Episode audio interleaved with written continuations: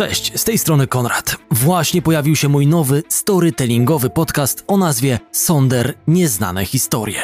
Wpisz nazwę Sonder Nieznane Historie w swojej aplikacji podcastowej i sprawdź kilka pierwszych odcinków. Do usłyszenia.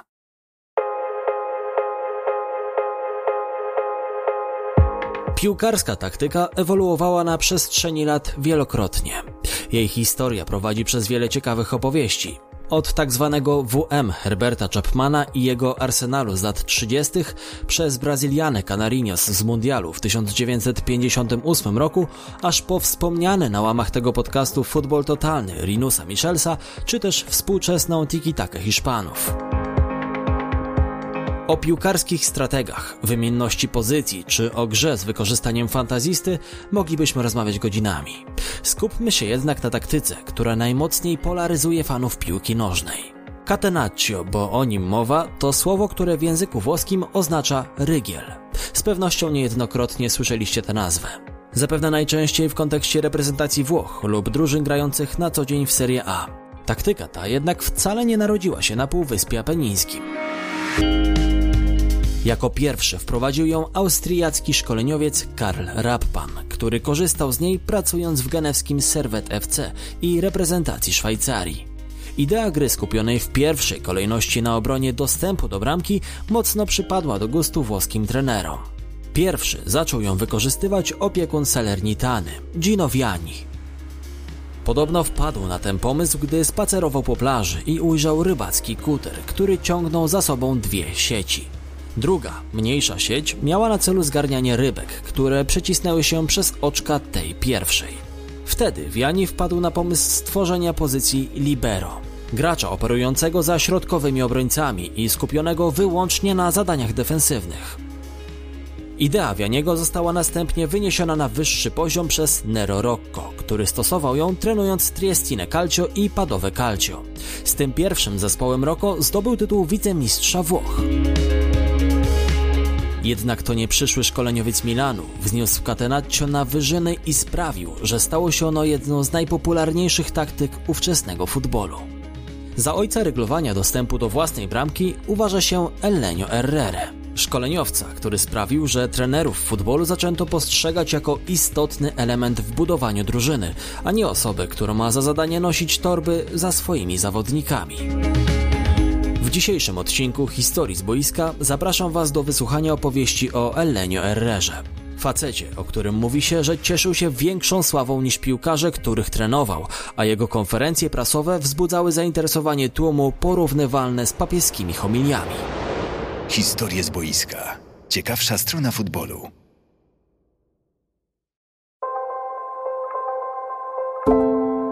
Dziecięce życie Lenio Herrery jest owiane mgiełką tajemnicy. W oficjalnych źródłach można znaleźć informację, jakoby miał się on urodzić 10 kwietnia 1910 roku.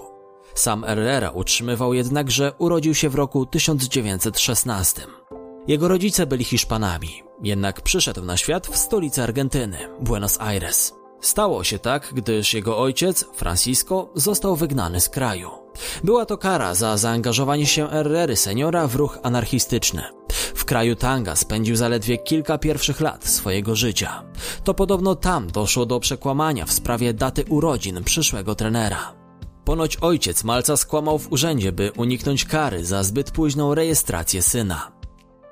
W 1920 roku rodzice zdecydowali się znów wyemigrować. Tym razem za cel obrali sobie Maroko. Wówczas to afrykańskie państwo stanowiło protektorat Francji. Tam niepiśmienna matka chłopca pracowała jako sprzątaczka, natomiast ojciec był cieślą. Tak samo jak Jezus, lubił podkreślać Elenio w dorosłym życiu. Krótko po przeprowadzce przyszły trener zachorował na błonicę. Tylko cudem udało mu się uniknąć śmierci. Po przebytej chorobie chłopiec szybko nabierał sił. W stanowiącej tygiel kulturowy Casablance hartował się również jego charakter. Pomagała w tym piłka nożna i rywalizacja z innymi dziećmi.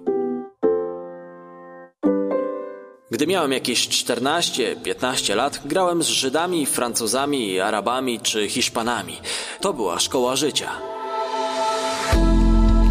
Z powodu swojej tężyzny fizycznej często był ustawiany na boisku jako boczny obrońca. Na takiej pozycji występował też w swoim pierwszym poważnym klubie Racingu Casablanca.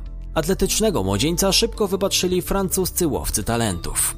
W 1932 roku trafił na stary kontynent. Jego kariera piłkarska nie potoczyła się jednak szczególnie udanie. Nie wybijał się ponad przeciętność, grając w paryskich klubach Red Star oraz Racing Club. W dodatku z powodu kontuzji kolana musiał przedwcześnie zakończyć swoją przygodę z piłką. Mimo to uzyskał francuskie obywatelstwo i zdołał zaliczyć nawet dwa spotkania w dorosłej reprezentacji Leble. Herrera przez całe swoje życie starał się wyciągać pozytywy z każdej sytuacji, w której się znalazł. Tak było i w przypadku szybkiego zakończenia zawodowej kariery. Nie byłem dobrym graczem. To jest moją przewagą, gdyż wielkie gwiazdy są zazwyczaj zarozumiałe, gdy stają się menedżerami. Nie potrafią uczyć innych i robią to z wielką łaską. W moim przypadku tak nie było. W międzyczasie zadbał o edukację. Uzyskał dyplom z fizjoterapii jako specjalista w dziedzinie masażu. W czasie II wojny światowej Herrera pracował w jednej z francuskich fabryk, dzięki czemu uniknął wysłania na front. Cały czas kopał również piłkę amatorsko, dla przyjemności. Pewnego razu miał dołączyć do klubu z Lorient. Gdy zjawił się na miejscu, przeczucie zaczęło podpowiadać mu, że powinien jak najszybciej opuścić miasto. Następnego dnia niemieckie lotnictwo przeprowadziło bombardowanie i obróciło francuską miejscowość w perzynę. Los po raz kolejny był łaskawy dla Ellenio. Herrera kontra przeznaczenie 2 do 0. W wieku 34 lat Argentyńczyk rozpoczął pracę jako grający menedżer w amatorskim klubiku o nazwie Piuto. Pewnego dnia jego zespół rozgrywał mecz ligowy. Herrera standardowo występował w nim na lewej obronie. Jednak przewaga przeciwników była tego dnia miażdżąca. W pewnym momencie Herrera zawołał do siebie lewego pomocnika i nakazał mu zajęcie swojej pozycji. Sam ustawił się za to środkowym obrońcą, by wspomóc go w odpieraniu ataków i wzmocnić linię defensywną. To był pierwszy raz, kiedy Herrera zastosował pozycję libero, znak rozpoznawczy taktyki Catenaccio. Świeże spojrzenie na futbol i innowacyjne pomysły młodego trenera zostały szybko zauważone przez możniejszych. Herrera jeszcze w tym samym roku przeniósł się do Stade France. W czasie pracy w tym klubie otrzymał pseudonim Le Sorcier, czyli Czarnoksiężnik. Pseudonim, którego były reprezentant Francji szczerze nienawidził. Nawet wiele lat później, gdy po serii sukcesów z Interem Mediolan włoskie media przekształciły to nazwisko na Il Mago. Słowo czarodziej, mag czy czarnoksiężnik nie ma nic wspólnego z futbolem. Pasja i siła to słowa futbolowe. Największym komplementem, jaki kiedykolwiek usłyszałem, było stwierdzenie, że pracuję 30 godzin na dobę. Praca to słowo, które idealnie definiowało urodzonego w Argentynie trenera. Elenio był perfekcjonistą. Jako jeden z pierwszych szkoleniowców zaczął zwracać uwagę na jadłospis zawodników i przywiązywał wagę do ich zdrowego menu. Organizował również zgrupowania przedmeczowe. Sam każdego ranka ćwiczył jogę. W czasie gimnastyki zawsze powtarzał sobie, że jest silny i niczego się nie boi.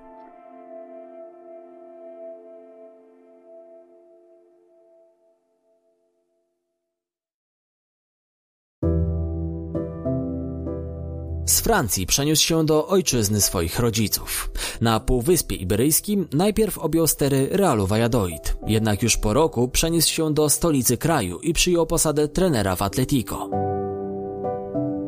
Jako opiekun Blancos święcił swoje pierwsze wielkie sukcesy. Doprowadził Los Colchoneros do dwóch tytułów mistrza Hiszpanii. Trenował nas codziennie, przez trzy godziny, ale to oznaczało, że gdy nadejdzie niedziela, będziemy w stanie zdemolować każdego. Tak wspominał pracę z Herrerą były gracz Atletico Alfonso Aparicio. Po czterech latach spędzonych w Kastylii ruszył w dalszą trenerską tułaczkę, obejmującą prowadzenie takich zespołów jak Malaga, Deportivo La Coruña, Sevilla i portugalskie Belenż. Już wtedy cieszył się opinią bardzo dobrego trenera, ale przyszłość szykowała dwa epizody, dzięki którym jego nazwisko na stałe weszło do trenerskiej galerii sław i do dnia dzisiejszego stanowi synonim reformatora futbolowej taktyki. Był protoplastą, który skupiał w sobie cechy współczesnych topowych menedżerów. Gdy Arsen Wenger w połowie lat 90. wkroczył do Arsenalu i narzucił swoim nowym podopiecznym żelazny reżim żywieniowy, powtórzył tylko to, co Ilmago robił już pół wieku wcześniej w prowadzonych przez siebie klubach. Jose Mourinho i jego metody ściągania presji z piłkarzy to też jedynie podrasowana kalka trików, które stosował Herrera. Przed meczami wyjazdowymi wychodził na boisko jako pierwszy, żeby tłum mógł wykrzyczeć się na niego. Kiedy na boisko wychodziliśmy my, kibice rywale byli już zmęczeni wcześniejszymi wrzaskami. To wspomnienie innego piłkarza Rochi Blancos, Adriana Escudero. Powróćmy jednak do śledzenia dalszej kariery Ilmago. Pierwszym z dwóch kluczowych epizodów Ferrery, o których wspominałem wcześniej, było objęcie funkcji trenera FC Barcelony. Urodzony w Argentynie szkoleniowiec został ściągnięty na Camp Nou w konkretnym celu. Pięć lat wcześniej Real Madryt zakontraktował Alfredo Di Stefano. Argentyński as, który swoją drogą został w ostatniej chwili sprzątnięty sprzed nosa Blaugranie, a w którego przeprowadzkę do Madrytu miał być zaangażowany sam generał Franco, wprowadził królewskich na poziom nieosiągalny dla żadnej innej drużyny. Dość powiedzieć, że w ciągu tych pierwszych pięciu sezonów, w czasie których Di Stefano radował swoją grą fanów na Bernabeu, Real zgarnął cztery mistrzostwa Hiszpanii i triumfował w trzech pierwszych edycjach Pucharu Europy. Elenio Herrera również doceniał kunszt największej gwiazdy rywala. Jest najlepszym graczem w historii. Di Stefano gra w obronie, pomocy i ataku. Wszystko w tym samym meczu. Pele gra tylko z przodu. Di Stefano robi to wszystko, plus to, co robi Pele. Jeśli Pele to wiodące skrzypce, Di Stefano jest całą orkiestrą. Sytuacja w Barcelonie miała się zgoła odmiennie. Klub od momentu pojawienia się Di Stefano w Madrycie nie zasmakował słodyczy mistrzostwa. W dodatku był targany wewnętrznymi intrygami i kłótniami, które podkopywały barcelońską tożsamość i zachwiały fundamentami katalońskiej pewności o własnej potędze. Argentyński mag wiedział, że jeśli Katalończycy chcą dorównać rywalom ze stolicy, to muszą wziąć się ostro do pracy. Zarządził trzy sesje treningowe dziennie. Podobno piłkarze Barcelony wymiotowali już w czasie pierwszej z nich. Nie było kompletnie żadnej taryfy ulgowej. Praca z Serrerą nie przypominała treningu piłki nożnej. To było niczym obóz szkoleniowy dla komandosów. Gdy jeden z piłkarzy Dumy Katalonii przyszedł na trening z ręką w gipsie, Herrera zerwał mu go i kazał dołączyć do ćwiczących. Ilmago wprowadzał również zalążki psychologii sportowej. Ówczesny piłkarz Barcy, Luis Suarez, nie ten dzisiejszy, wierzył, że jeśli w czasie przedmeczowego posiłku wyleje się wino, to zespół odniesie zwycięstwo. Herrera celowo więc przewracał kieliszek z napojem, by dodać wiary swojemu zawodnikowi.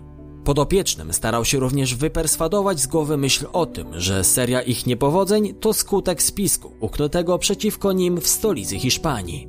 Mieli zrozumieć, że jeśli wzniosą się na wyżyny swoich umiejętności, to Realowi nie pomoże nawet poparcie rządzących. Przedmeczową rutyną było podawanie zawodnikom herbaty ziołowej z aspiryną. Wmawiano im jednak, że jest to wywar przygotowany z tajemniczych południowoamerykańskich ziół, który ma zapewnić spokój ich duszy i umysłowi. Przed meczem gromadził zawodników w kółku. Odwracał się do każdego z nich po kolei, zgodnie z ruchem wskazówek zegara i rzucając piłkę pytał: jak myślisz, dlaczego wygramy? Jak zagramy w tym meczu? Co sądzisz na ten temat? Na koniec cała drużyna wykrzykiwała motywujące hasła i kładąc rękę na futbolówce składała obietnicę zwycięstwa. Metody Herrery okazały się na tyle skuteczne, że już na początku sezonu Barcelona rozbiła Real 4 do 0. Był to wspaniały dzień, w którym graliśmy z diabelską szybkością, czego Real nienawidził, ponieważ zmuszało go to do obrony, a tego nienawidzą wszyscy mistrzowie. Wyższość Blaugrany musieli uznać również inni ligowi potentaci, jak Espanyol czy Bilbao. W całym sezonie ligowym zdobyła 96 goli, tracąc ich przy tym zaledwie 26. Nawet porażka poniesiona w Madrycie nie mogła zawrócić Barcy z mistrzowskiej ścieżki. W kwietniu 1959 roku tytuł powrócił do Katalonii. Na dokładkę Herrera i spółka dorzucili krajowy puchar, pokonując w finale Granadę. Pomimo tak udanego sezonu nie wszystko układało się po myśli szkoleniowca. Elenio popadł w konflikt z ulubieńcem trybun Węgrem Laszlo Kubalą. Klubowemu weteranowi, który zdobywał z dumą Katalonii ostatnie tytuły z 1950 i 1953 roku, nie przypadły do gustu treningi nowego opiekuna. Kubala prowadził tryb życia, który był zaprzeczeniem filozofii Herrery. Potrafił przyjeżdżać na trening prosto z imprezy, często będąc jeszcze pod wpływem alkoholu. Sam styl gry Ladislao Kubali także nie pasował do koncepcji trenera. Beztroski i infantylny futbol gwiazdora nijak się miał do dynamicznej gry, którą chciał uskuteczniać Silmago. Dwa olbrzymie ego starły się w walce o osiągnięcie pozycji samca alfa. Despotyczny i mający obsesję na punkcie profesjonalizmu trener oraz rozwydrzony, lecz uwielbiany przez tłuszcze gwiazdor o manierach primadonny. Chociaż Kubala był bohaterem kochanym przez katalońskich fanów, to jednak Herrera był człowiekiem, który pomagał odzyskać ich klubowi dawny blask. Mimo wszystko czarnoksiężnik zdawał sobie sprawę z tego, że decyzja o odsunięciu Kubali od pierwszego składu nie przysporzy mu sympatii wśród kibiców z Katalonii. Tłumy zbierające się wokół boisk piłkarskich są konserwatywne i sentymentalne, nie lubią zmian. Zdawałem sobie sprawę, że wykluczając Kubale z pierwszego składu, nie podejmowałem zbyt popularnej decyzji. Herrera w porozumieniu z prezydentem klubu, Francisco Miro Sansem, przygotował oświadczenie, które podważało profesjonalne podejście Kubali do swoich obowiązków i stawiało go w niekorzystnym świetle. Wiele osób nie uwierzyło w te słowa. Kubala nadal miał za sobą ogromną rzeszę fanów, a także wielu klubowych działaczy. Po opublikowaniu oświadczenia w ramach Solidarności z pomawianym graczem ze swoich funkcji zrezygnowało siedmiu dyrektorów z różnych departamentów klubu. W kolejnym sezonie Barca zdołała obronić tytuł. Podopieczni Herrery mieli tyle samo punktów i identyczny bilans bramkowy co królewscy. O mistrzostwie zadecydowała więc większa liczba bramek strzelonych przez Katalończyków w ciągu całej kampanii ligowej. Dwa dni po zakończeniu rozgrywek oba zespoły spotkały się w półfinale Pucharu Europy. Po zdobyciu drugiego tytułu z rzędu Herrera upomniał się w gabinecie prezesa o podwyżki dla siebie i swoich piłkarzy. Była to woda na młyn dla przeciwników Argentyńczyka, którzy zarzucili mu niegospodarność i brak troski o klubowe finanse. Na domiar złego Barcelona przegrała z Realem w dwumeczu 6 do 2, w konsekwencji odpadając z rozgrywek o Puchar Europy. Był to idealny pretekst dla Mirosansa do zwolnienia Ilmago. Na pożegnanie Herrery fani Barcelony w ramach uznania dla trenera ponieśli go na swoich ramionach przez słynną barcelońską ulicę La Rambla. Prosto z Katalonii Herrera udał się do Włoch, by podpisać lukratywny kontrakt z Interem Mediolan. Ściągnął go tam prezydent klubu, Angelo Moratta, baron naftowy, który stał się właścicielem Nerrazzurich 5 lat wcześniej. Herrera miał poprowadzić Mediolanczyków do wielkich sukcesów. Plan Moratty powiódł się w 100%. Już wkrótce Inter miał zdominować rozgrywki w Serie A, a Il Mago zapisać się złotymi zgłoskami w historii piłki nożnej. Nie tylko tej z Półwyspu Apenińskiego. Historie z boiska. Ciekawsza strona futbolu.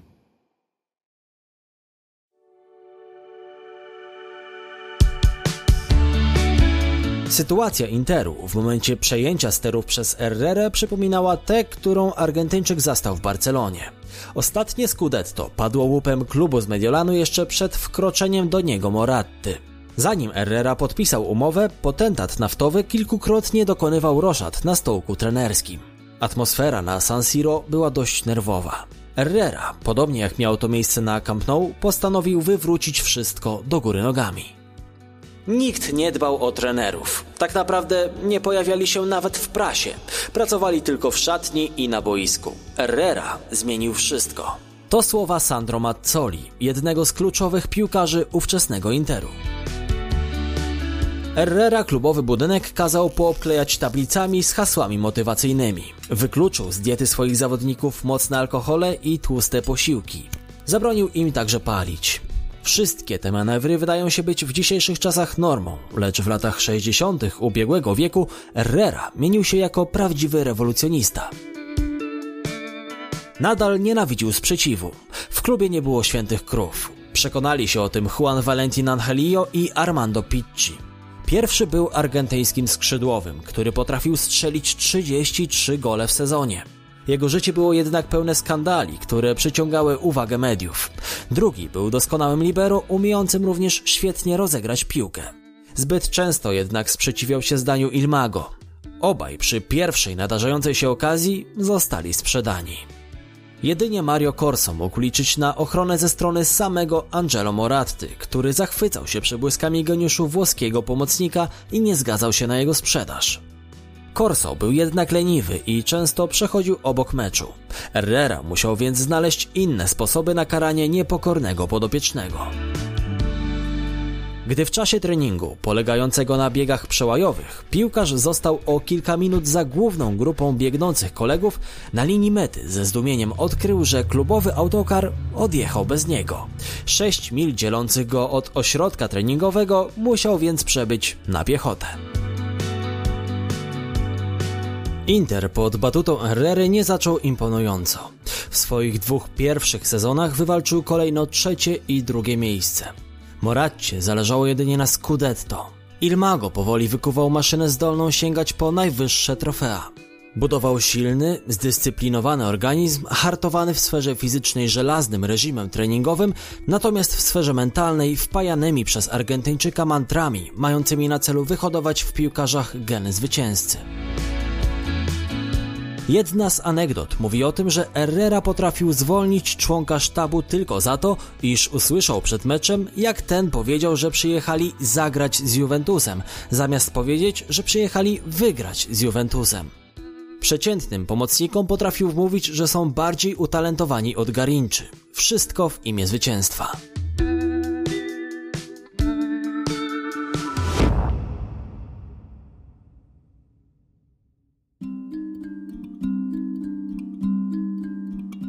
Taktyka Catenaccio, którą stosował Elenio, posiadała znaczące poprawki. Środek obrony, wzmocniony ryglem w postaci libero, odpowiadał za destrukcję akcji rywala, natomiast boczni defensorzy otrzymywali więcej ofensywnych zadań. Specjalnie w tym celu Ilmago ustawił na lewej obronie napastnika Giacinto Facettiego, który siał spustoszenie na swojej flance, często zdobywając gole. Cała gra miała być maksymalnie zdynamizowana. Mała liczba krótkich, szybkich podań ma na celu jak najszybsze przedostanie się pod bramkę przeciwnika. Praktycznie nie ma miejsca na dribbling. To jest narzędzie, nie system. Piłka zawsze porusza się dalej i szybciej, gdy nie ma za nią zawodników. Twórz puste przestrzenie. W piłce, tak jak w życiu, muzyce i sztuce. Wolne przestrzenie są równie istotne, co te wypełnione. Po trzech latach przyszedł czas na pierwsze Scudetto. Rok później Inter ograł w finale Pucharu Europy Real Madryt. Ilmago dokonał słodkiej zemsty za przegrany dwumecz półfinałowy jeszcze w czasach jego pracy w Barcelonie. Wiele osób twierdziło, że Herrera zastosował Catenaccio w akcie desperacji, gdyż ofensywny futbol, który preferował w czasach pracy w Barcelonie, na Półwyspie Apenińskim nie przynosił pożądanego skutku. Przełomem miał być mecz z Padową, trenowaną przez wspomnianego wcześniej Nero Rocco. Stosująca rygiel padowa w czasie całego meczu trzykrotnie wyszła ze swojej połowy. Dwa takie wypady zakończyły się zdobyciem bramki, natomiast trzeci strzałem w słupek. Ten mecz miał przelać czarę goryczy i zmusić Ilmago do zmiany ustawienia, która okazała się być strzałem w dziesiątkę. Swoją drogą pojedynki pomiędzy Rocco, który później trenował AC Milan i Herrerą były ozdobą Serie A lat 60., jak współcześnie rywalizacja Klopa z Guardiolą w Premier League. Rok 1965 to obrona tytułu najlepszej klubowej drużyny w Europie po finałowym zwycięstwie z Benficą. W tym samym czasie Herrera odzyskał również Scudetto, natomiast rok później je obronił. Ligowy triumf był dziesiątym w historii klubu z Mediolanu i pozwolił na umieszczenie mistrzowskiej gwiazdki na niebiesko-czarnych trykotach. Nadchodził jednak zmierzch włoskiego Catenaccio. Pragmatyczny futbol, nastawiony na kunktatorstwo i minimalne zwycięstwa, odchodził w zapomnienie, a jego miejsce miał zająć widowiskowy futbol totalny.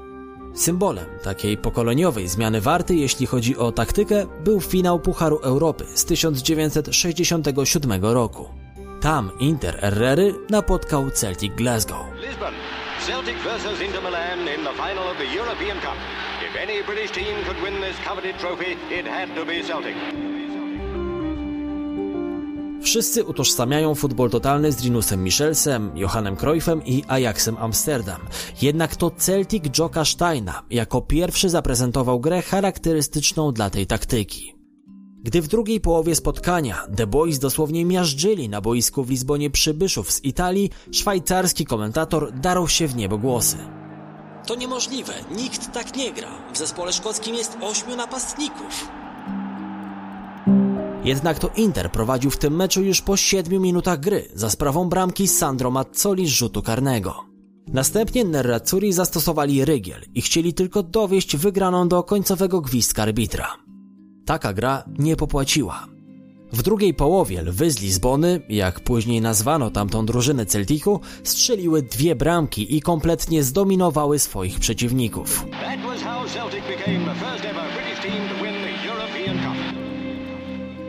Po meczu nawet sam Herrera stwierdził, że wygrana Szkotów była korzystniejsza dla rozwoju futbolu. Wcześniej czy później Inter Herrery, Inter Catenaccio, który był nastawiony na minimalne zwycięstwa, musiał zapłacić za odmowę widowiskowej gry. Napisał dzień po meczu portugalski dziennik Mundo Deportivo. Piłkarze Interu uważali, że błędem był ciężki obóz przedmeczowy, który zafundował im ich opiekun. Zabrał nas do nadmorskiego hotelu, gdzie nie było nikogo. Nawet działacze byli zameldowani gdzie indziej. Zostaliśmy tylko my i trenerzy. Od momentu, gdy przejechaliśmy bramę pensjonatu, do meczu, który odbył się trzy dni później, nie widzieliśmy żywej duszy poza trenerami i personelem hotelu. Normalny człowiek oszalałby. My byliśmy po tylu latach przyzwyczajeni, ale osiągnęliśmy w tym momencie swój punkt krytyczny. Opowiadał wiele lat później Tarcisio Burnicz, który był członkiem tamtej drużyny. To był również zmierzch Ilmago w Interze. W tym samym sezonie Mediolanczycy utracili tytuł na rzecz Juventusu, natomiast rok później zajęli dopiero piąte miejsce w ligowej tabeli. Grande Inter odszedł w zapomnienie. Herrera przeniósł się do AS Romy.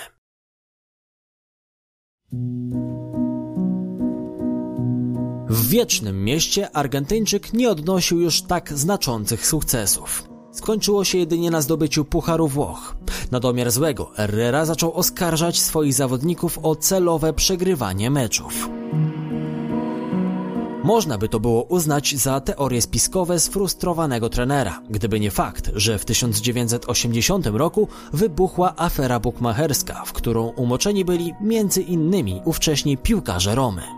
Powroty na ławkę trenerską Interu i Barcelony też nie wypadły już tak okazale. Po zakończeniu sezonu 1980-81 Herrera udał się na trenerską emeryturę. Następnie osiadł na stałe w Wenecji i zaczął udzielać się jako ekspert telewizyjny. Zmarł w 1997 roku. Herrera życzył sobie świeckiego pochówku, co nie było do końca dobrze przyjęte w katolickich Włoszech. Przez kilka lat jego prochy spoczywały w anonimowej krypcie. W przeniesieniu jego urny w inne miejsce podobno swój udział miała brytyjska rodzina królewska, która zarządza częścią niekatolickiego cmentarza w Wenecji. Nowa urna ma kształt pucharu mistrzów klubowych, a na pamiątkowej tablicy widnieją nazwy wszystkich drużyn prowadzonych przez Ilmago. Obecnych czasach Catenaccio utożsamiany jest z mało widowiskowym futbolem, nastawionym na bronienie wyniku i skutkującym nudną grą. O drużynach, które grają w taki sposób, często mówimy, że uprawiają antyfutbol. Czy jednak to samo możemy powiedzieć o Herrerze i prowadzonym przez niego Interze, którzy są uważani za ojców chrzestnych rygla? Taktyka wprowadzona przez argentyńskiego trenera była podparta mnóstwem ciężkiej pracy, a wykonywanie założeń trenera wymagało od piłkarzy wspięcia się na wyżyny umiejętności taktycznych. Musieli oni być w ciągłym ruchu, by stosować natychmiastowy pressing na rywalu. W wielu aspektach gry Herrera inspirował się tymi samymi rzeczami co Michels przy futbolu totalnym. Niech najlepszym podsumowaniem będą słowa Sandro Mazzoli. Gdy słyszę o Interze i Catenaccio, to chcę tylko powiedzieć, że zagraliśmy jakieś 6 meczów, w których się broniliśmy i ze 40 takich, gdzie atakowaliśmy. Nasi środkowi obrońcy w czasie meczów na San Siro przez większość czasu mogli podziwiać piękne dziewczyny na trybunach, bo graliśmy na połowie rywala. Jednak gdy graliśmy za granicą, nie czuliśmy się najlepiej i zostawaliśmy z tyłu. Sądzę, że to był nasz błąd. Historia Elenio Herrery to pierwszy odcinek podcastu w pełni poświęcony sylwetce legendarnego trenera. Chciałbym zaproponować Wam, żebyście dali mi znać, czy chcecie wysłuchać podobnej historii, ale już o innym szkoleniowcu. Jeśli tak, to Wasze propozycje możecie podsyłać albo w wiadomości prywatnej na moim Instagramie, jego nazwę znajdziecie w opisie podcastu, albo w komentarzu pod odcinkiem zamieszczonym na YouTube. Konrad Szymański, kłaniam się nisko. Do usłyszenia w kolejnym odcinku podcastu Historie z boiska.